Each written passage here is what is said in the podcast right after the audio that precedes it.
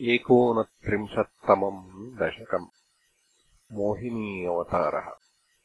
उद्गच्छतस्तव करादमृतम् हरत्सु। दैत्येषु तानशरणाननुमीय देवान्।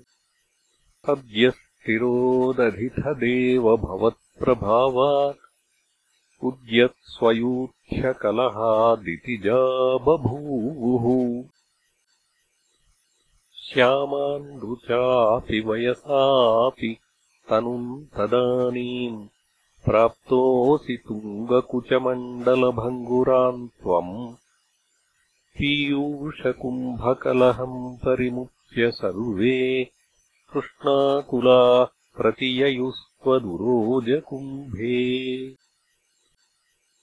का त्वम् मृगाक्षि विभजस्वसुधामिमामि ूढरागविवशानभियाचतोमून् विश्वस्यते मयि कथम् कुलटास्मि दैत्याः इत्यालपन्नपि सुविश्वसितानतानीः।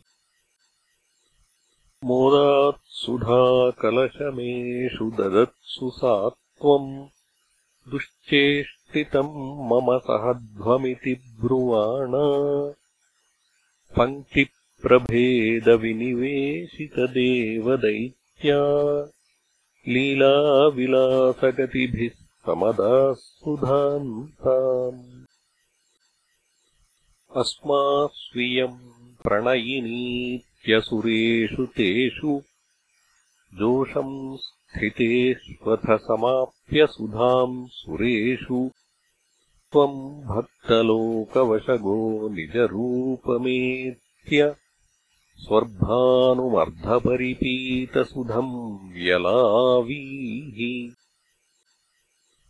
त्वत्तः सुधाहरणयोग्यफलम् परेषु तत्त्वागते त्वयि सुरैः खलु ते व्यगृह्णन्।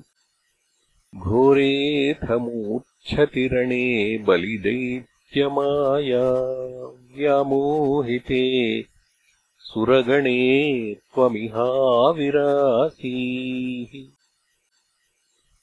त्वम् कालनेमिमथमालिमुखान् जघन्थ।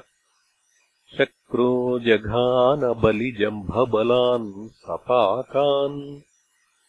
शुष्कार्द्रदुष्करवधे नमुशौचलूने फेनेन नारदगिरान्यरुणो रणन्तम्। योषावपुर्दनुजमोहनमाहितम् ते श्रुत्वा विलोकनकुतूहलवान् महेशः भूतैः समम् गिरिजया च गतः पदन्ते स्तुत्वाब्रवीदभिमतम् त्वमथोत्तिरोधाः। आरामसीमनि च कन्दुकघातलीलालोलायमाननयनाम् कमनीम् मनोज्ञाम् त्वामेष वीक्ष्य विगलद्वसनाम् मनोभूवेगादनङ्गरिपुरङ्ग समालिलिङ्ग। भूयोऽपि विद्रुतवतीमुपधाव्य देवो। वीर्यप्रमोक्षविकसत्परमार्थबोधः।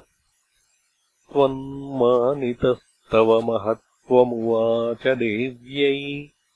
तत्तादृशस्त्वमववातनिकेतनाथ